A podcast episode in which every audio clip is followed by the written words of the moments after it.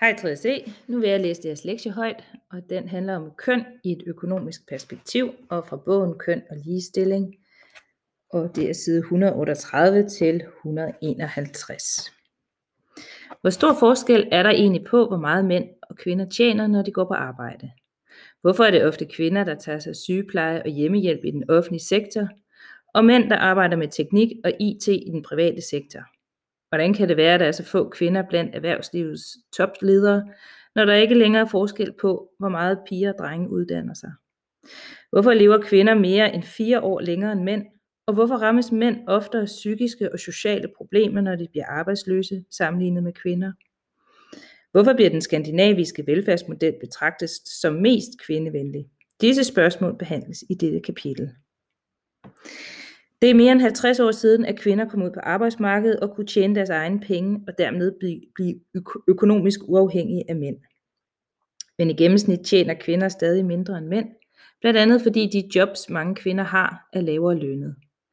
Kvinder arbejder også færre timer om ugen end mænd og har færre lederstillinger. Til gengæld bruger mænd mindre tid på at tage sig af familien end kvinder. Fædre tager for eksempel en markant kortere barselsårlov end mødre.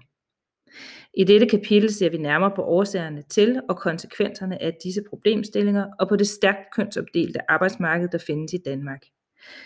I den forbindelse ser vi på, hvilke udfordringer mænd møder, når de arbejder i typiske kvindejobs, som eksempelvis sygeplejerske. Eller hvilke udfordringer der er for kvinder, som arbejder i mandedominerede jobs, som for eksempel vi, øh, som eksempelvis politibetjent. Desuden ser vi på, hvordan forskellige typer af velfærdssamfund påvirker uligheden mellem kønnene forskelligt. I den forbindelse ser vi på, hvordan velfærdssamfundets økonomiske udfordringer og de forskellige løsninger på disse påvirker kvinder og mænd forskelligt. Næste kapitel. Det kønsopdelte arbejdsmarked. Det danske arbejdsmarked er stærkt kønsopdelt. Halvdelen af arbejdsstyrken arbejder i fag, hvor der er 80% af det ene køn ansat. Kun 15% er ansat i fag, hvor der er nogenlunde lige fordeling af mænd og kvinder. Kvinder er ofte ansat i omsorgs- og kontorarbejde i kommuner og på hospitaler, og i stillinger, der bærer mest præg af rutine. Modsat er mænd ofte ansat i det private eller i staten og arbejder med IT, håndværk eller teknik. Desuden har mænd oftere end kvinder lederstillinger. I arbejdsmarkedsforskningen taler man om begreberne horisontal og vertikal kønsarbejdsdeling. Horisontal øh, kønsarbejdsdeling betyder, at de to køn er placeret i forskellige sektorer, brancher, brancher og arbejdsfunktioner. Vertikal kønsarbejdsdeling betyder, at mænd i højere grad end kvinder befinder sig i lederstillinger. Selv i brancher, hvor der næsten kun er kvinder ansat, har mændene en oversandsynlighed for at blive ledere, f.eks. inden for børnepasning og hjemmehjælp. Den horisontale kønsopdeling på arbejdsmarkedet har ikke ændret sig nærme, nævneværdigt de seneste 20 år. Den vertikale kønsarbejdsdeling har i en vis udstrækning ændret sig. De to figurer på næste side viser, hvordan det danske arbejdsmarked er horisontalt kønsopdelt. Valg af uddannelse og karrierevej. Valg af uddannelse har direkte konsekvens for, hvor den enkelte senere havner på arbejdsmarkedet. En af forklaringerne på den stærke horisontale kønsarbejdsdeling er netop, at unge mænd og kvinder vælger forskellige uddannelser. Omkring 25 procent af alle kvinder, der blev uddannet i 1990'erne, er i dag sygeplejersker eller social- og sundhedsassistenter, plejere. Selvom kvindernes uddannelsesniveau er steget markant de sidste 40 år, ændrer kønsopdelingen øh, på arbejdsmarkedet sig meget langsomt, fordi der stadig er en udbredt tendens til, at unge kvinder og mænd vælger henholdsvis kvindefag og mandefag. Selvom der inden for visse uddannelser er kommet en mere ligelig kønsfordeling, er der stadig en tendens til, at de to køn vælger forskellige karriereveje, når de er færdiguddannede. Her går kvinderne mod den offentlige sektor og mænd mod den private. En forklaring kan være for forskelle i arbejdsbetingelser. I den offentlige sektor er der bedre mulighed for deltid, og i den private sektor er der mulighed for højere løn. Den dybere liggende årsag kan derfor være en traditionel kønsbestemt arbejdsdeling i familierne, hvor kvinder har det største huslige ansvar og derfor kan, for, kan foretrække at arbejde mindre. Uddannelses- og jobsvalg, jobvalg på tværs af kønsskældet. På trods af de overordnede mønstre i kvinder og mænds uddannelsesvalg, er der naturligvis mange individer, der uddanner sig på tværs af de traditionelle kønsskæld.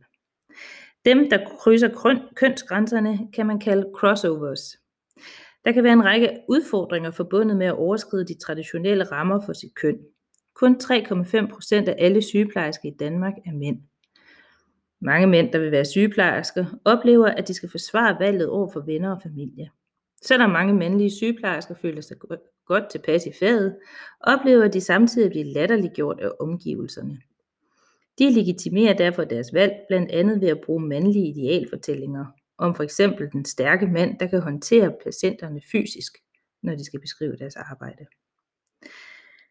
Mandlige sygeplejersker forsøger ofte at leve op til traditionelle maskuline egenskaber som fysisk styrke, frygtløs optræden, autoritet og heteroseksualitet.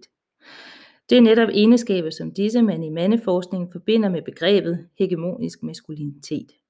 Det vil sige samfundets dominerende ideal om, hvordan man er mand. Der kan I også trække på jeres viden om mandeforskning fra teorierne. På den ene side kan den type fortællinger bekræfte den maskuline identitet og fremme andelen af mænd inden for sygeplejefaget. På den anden side kan fortællingerne tegne et ensidigt og forsimplet billede af mænd. De kan med andre ord reproducere stereotyper, som mændene reelt ikke identificerer sig med. Noget tyder dog på, at mænd med indvandrerbaggrund har lettere ved at bryde de traditionelle kønsgrænser på arbejdsmarkedet end mænd med dansk baggrund. Se eksemplet på næste side. I løbet af de seneste 10 år har, der, har flere og flere unge mænd, mænd valgt at uddanne sig til pædagog. Forskeren Jo Krøger har undersøgt danske daginstitutioner og fundet, at der i mange institutioner er en stereotyp arbejdsdeling mellem de mandlige og kvindelige pædagoger. Det vil sige, at der var store forskelle på, hvad der forventes af mænd og kvinder. De kvindelige pædagoger tog sig af indkøb, madlavning og rengøring, mens de mandlige pædagoger tog sig af udendørsaktiviteter, reparation af cykler, go-karts og værkstedsarbejde. Undersøgelsen viste, at de mandlige pædagoger kunne fravælge de kvinde, de, det kvindelige arbejde, der ofte var forbundet med lav faglig status. En af de arbejdsfunktioner, som det var okay for de mandlige pædagoger at fravælge, var blæskift. Mænd har desuden langt oftere lederjobs inden for pædagogfaget, der ellers er et udpræget kvindefag. Samtidig er mandlige pædagoger særligt udsatte, når det gælder anklager om pædofili. Ifølge en undersøgelse lavet af pædagogernes fagforening i 2013, havde 81 procent af de mandlige pædagoger tænkt på risikoen for at blive anklaget for seksuelle overgreb. Til sammenligning havde 39 procent af de kvindelige pædagoger overvejet risikoen. Som en form for løsning på problemet underlægges mandlige pædagoger nogle steder særregler, som forbyder dem i at skifte blæ eller hjælpe børn på toilettet. På enkelte institutioner må mændene slet ikke være alene med børnene. Ifølge undersøgelsen betyder frygten for pædofilianklager, at mange mandlige, mandlige pædagoger og pædagogmedhjælpere bliver nervøse for at vise omsorg for børnene og få mange til at overveje at forlade faget. Sociologen Yvonne Due Billing taler om, at der i mange jobs findes en særlig kønssymbolik. Det vil sige, at jobbet forbindes med enten femininitet eller maskulinitet, og derfor anses for at være mest egnet for enten kvinder eller mænd. Sociologerne Stine Faber og Lotte Bloksgaard har undersøgt arbejdsdelingen mellem kvinder og mænd hos politiet. Et fag med en stærk maskulin kønssymbolik. Her møder man også den uformelle kønsbestemte arbejdsdeling. Undersøgelsen viste, at der ofte blev sat spørgsmålstegn ved de kvindelige betjentes, betjentes kompetencer, og at kvinderne skulle gøre en ekstra indsats for at bevise deres værd for at blive opfattet som pålidelige. Kvinderne blev i kraft af deres køn tillagt nogle særlige egenskaber som følsomhed, tilbageholdenhed og fysisk svaghed. Egenskaber, der står i skarp modsætning til de traditionelle forestillinger om en politibetjent, der har autoritet, magt og fysisk styrke. Samme undersøgelse viste, at mandlige sygeplejersker ikke følte, at de skulle bevise deres værd i modsætning til de kvindelige betjente. Tværtimod blev de mandlige sygeplejersker typisk tillagt evner som lederskab, autoritet og stor faglig ekspertise.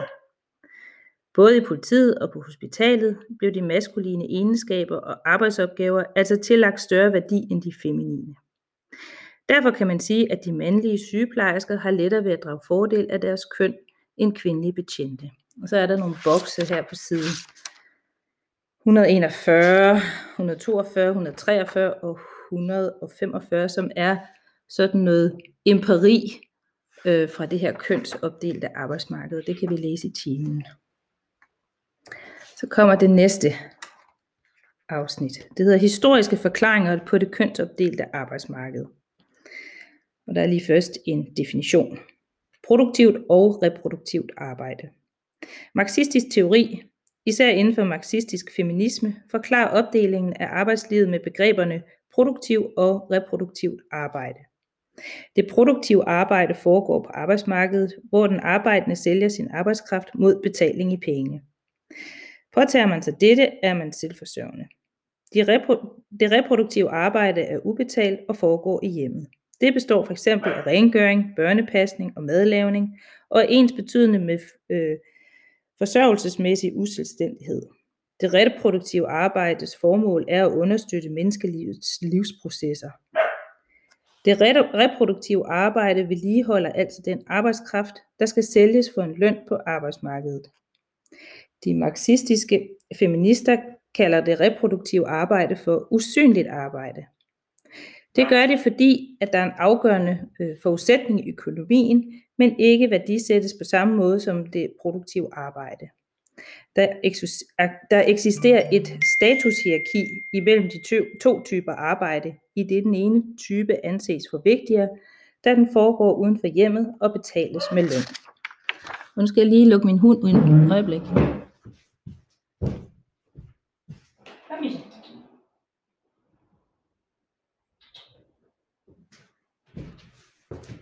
Den gad ikke ind. Nå. Vi fortsætter. Historiske forklaringer på det kønsopdelte arbejdsmarked. Den stærke kønsopdeling af arbejdsmarkedet har rødder i udviklingen af det moderne industrisamfund i 1800-tallet. Et centralt træk ved denne udvikling var adskillelsen af familieliv og produktionsliv. I de traditionelle landbrugssamfund boede mange generationer under samme tag, og familien var et arbejdsfællesskab, hvor produktion og familieliv foregik det samme sted. I 1800-tallet blev den industrielle produktion og familien adskilt i det lønnede fabriksarbejde og det ubetalte arbejde i hjemmet. Denne adskillelse havde konsekvenser for mænd og kvinders vilkår. Idealet blev, at kvinderne passede familie og hjem uden at modtage løn for det, imens mændene havde lønarbejde f.eks. på fabrikker. Den tyske sociolog Ulrik Beck mener, at moderniseringen og industrialiseringen på den ene side opløste traditionelle strukturer og gav individet flere muligheder for at vælge livsbane. På den anden side skabte de imidlertid et nyt traditionelt system, kønsrollemønstret. Her er den enkelte mands og kvindes position i samfundet bestemt fra fødslen, og meget let var overladt til det individuelle valg.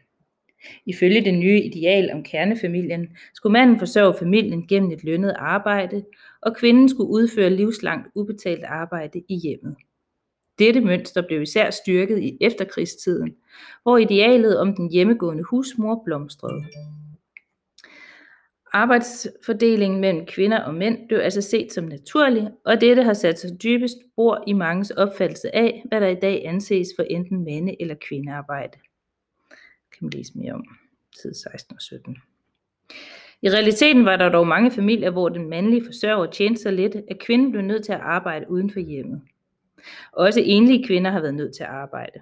Da kvinder i stigende grad fik lov til at uddanne sig i slutningen af 1800-tallet, blev særligt skolelærer og sygeplejerske hurtigt øh, til kvindefag. Og i efterkrigstiden, da velfærdssamfundet blev opbygget, opstod en masse nye jobs i den offentlige sektor, som voksede hurtigt i 1960'erne og 1970'erne. Eksempelvis jobs med børnepasning i de mange nye børnehaver eller ældrepleje på plejehjemmene. En stor del af det ulønnede reproduktive arbejde rykkede i denne periode ud af hjemmet og blev lønarbejde. Det skete i en tid med stærke kønsroller. Derfor virkede det oplagt, at det var kvinder, der besatte de mange nye jobs med børnepasning og omsorg som omdrejningspunkt. Nyt kapitel. Vertikal kønsarbejdsdeling. Som nævnt på side 139 handler den vertikale kønsopdeling om, at mænd oftere end kvinder befinder sig i de øverste lag af forskellige hierarkier på arbejdsmarkedet. Blandt arbejdsmarkedsforskere bruger man begrebet glasloftet. Det beskriver den usynlige, men alligevel ubrydelige barriere, der forhindrer kvinder i at bevæge sig op i hierarkiet og blive ansat i lederstillinger. Det modsatte fænomen kaldes for glasrulletrappen. Det henviser det, til det fænomen, at mænd ofte er overrepræsenteret inden for ledelsen i kvindefagene. Det skyldes, at mænd i højere grad bliver tilgodeset i forbindelse med forfremmelser, og at de bliver tillagt større autoritet og kompetence end deres kvindelige kolleger. Man taler også om loven om stigende ulighed, se figur 3.3 på side 147 der handler om, at kvindeandelen falder, jo længere man kommer op i hierarkierne på arbejdsmarkedet. Dette gælder både på det danske arbejdsmarked og i andre vestlige lande. Jo længere nede i ledelseslagene man kigger, des flere kvinder er der. Der er for eksempel langt større andel kvindelige mellemledere end topledere på det danske arbejdsmarked. I 2015 undersøgte Erhvervsstyrelsen kønsfordelingen blandt medlemmer af bestyrelsen i 169 af de største danske virksomheder. Resultatet viste, at den gennemsnitlige kønsfordeling var 15% kvinder og 85% mænd. Over en periode på 10 år, fra 2005 til 2015, er andelen af kvinder i bestyrelserne steget. Men som figuren nedenfor viser, er det foregået meget langsomt.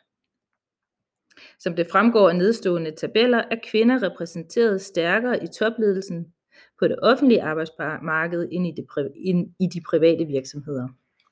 Til gengæld er der en større andel kvindelige ledere, jo længere nede i hierarkiet man kommer. En årsag til, at kvinderne er stærkere repræsenteret i ledelsen på det offentlige arbejdsmarked, kan være, at rekrutteringen her er mere åben. Jo mere åben rekrutteringen til topposter er, det større chancer har kvinder for at blive en del af toppen. Dette forklarer også, at der er langt flere kvinder på politiske topposter end på topposter i erhvervslivet. I virksomhedsbestyrelser rekrutteres nye medlemmer både via udpegningen af den eksisterende bestyrelse og via valg blandt ansatte i virksomheden. Der er langt større andel af kvinder blandt de medarbejdervalgte bestyrelsesmedlemmer end blandt dem, der er udnævnt af den eksisterende bestyrelse. Selvom, det vertikale, øh, selvom den vertikale kønsarbejdsdeling trods alt har ændret sig hurtigere end den horisontale, er ændringerne, ændringerne endnu ikke slået igennem på toplederniveau. En af forklaringerne kan handle om fordelingen af husligt arbejde. Nogle forskere peger nemlig på, at lederjobs ikke er kønsneutrale. De indeholder nogle indbyggede forventninger, blandt andet at chefen har tid til at arbejde flere timer dagligt, fordi det ikke er hans opgave at hente børn og lave mad derhjemme.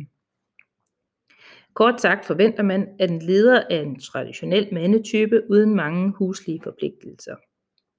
En spørgeskema undersøgelse fra 2011 om fordelingen af husligt arbejde blandt mandlige og kvindelige ledere viste, at kvindelige ledere langt oftere end de mandlige stod for arbejdsopgaver, der er forbundet med familielivet. Hver tredje kvindelige leder gav her udtryk for, at de altid eller fortrinsvist stod for det huslige arbejde. Ingen mandlige ledere gav udtryk for det samme. Og kan man altså se i tabel 3.2. Der er mange forestillinger knyttet til det at være en god leder. Selvom der er uenighed om, hvad en god leder er, har det traditionelt været forbundet med egenskaber som autoritet, rationalitet, resultatorientering og handlekraft. Egenskaber som er forbundet med en maskulin kønssymbolik. Der har derfor længe eksisteret et marked for selvhjælpsbøger og kurser med det formål at hjælpe kvindelige ledere til at udvikle maskuline træk. De seneste 20-30 år har forestillingerne om god ledelse imidlertid udviklet sig. I nyere ledelsesfilosofi lægges vægt på andre egenskaber end tidligere, hvilket betyder, at de traditionelle forestillinger om lederjobbet som maskulint måske er ved at ændre sig. I dag værdsættes egenskaber som empati, anerkendelse, intuition og kreativitet. Ligesom det forventes, at en leder kan forstå andres følelser og reagere passende i forhold til dem og være omsorgsfuld og lyttende.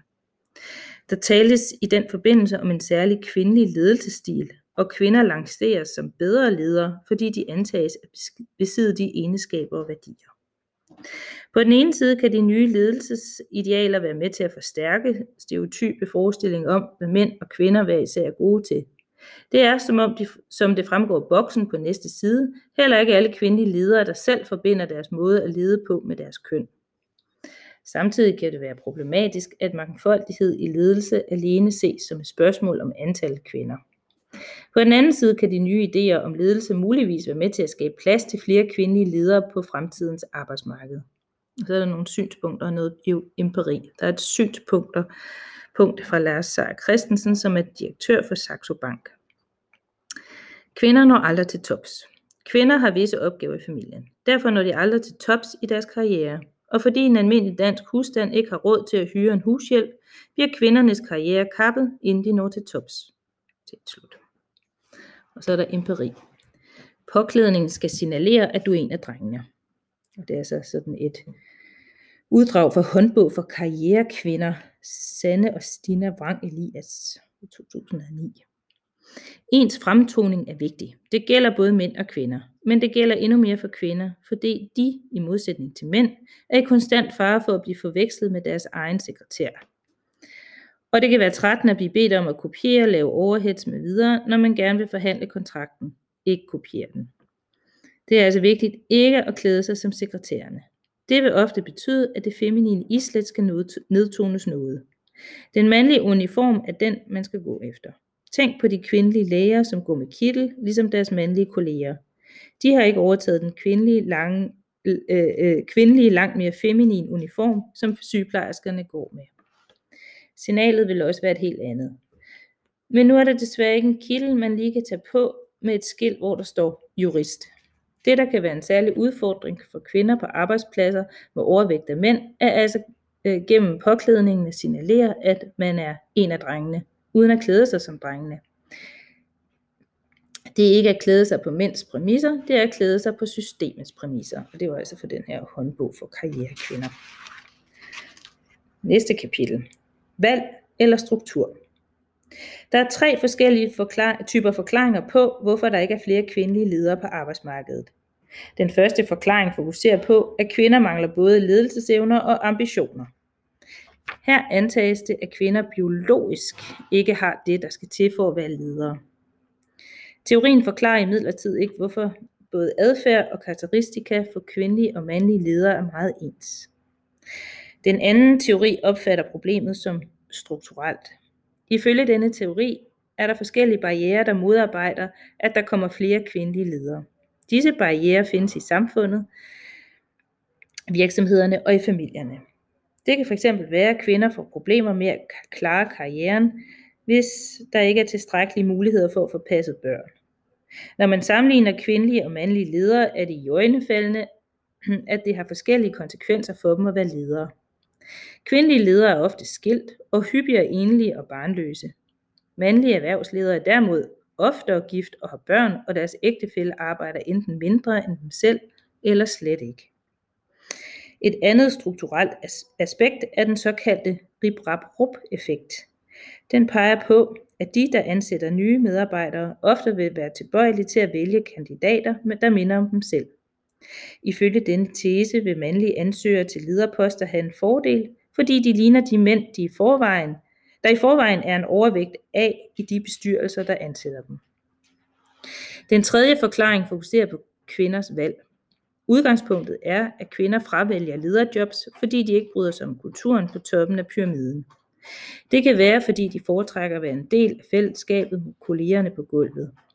Eller det kan være, at de ikke er motiveret for tidskrævende jobs og er svært ved at fungere i en stilling, hvor normen er, at man bruger det meste af sin tid og energi på jobbet.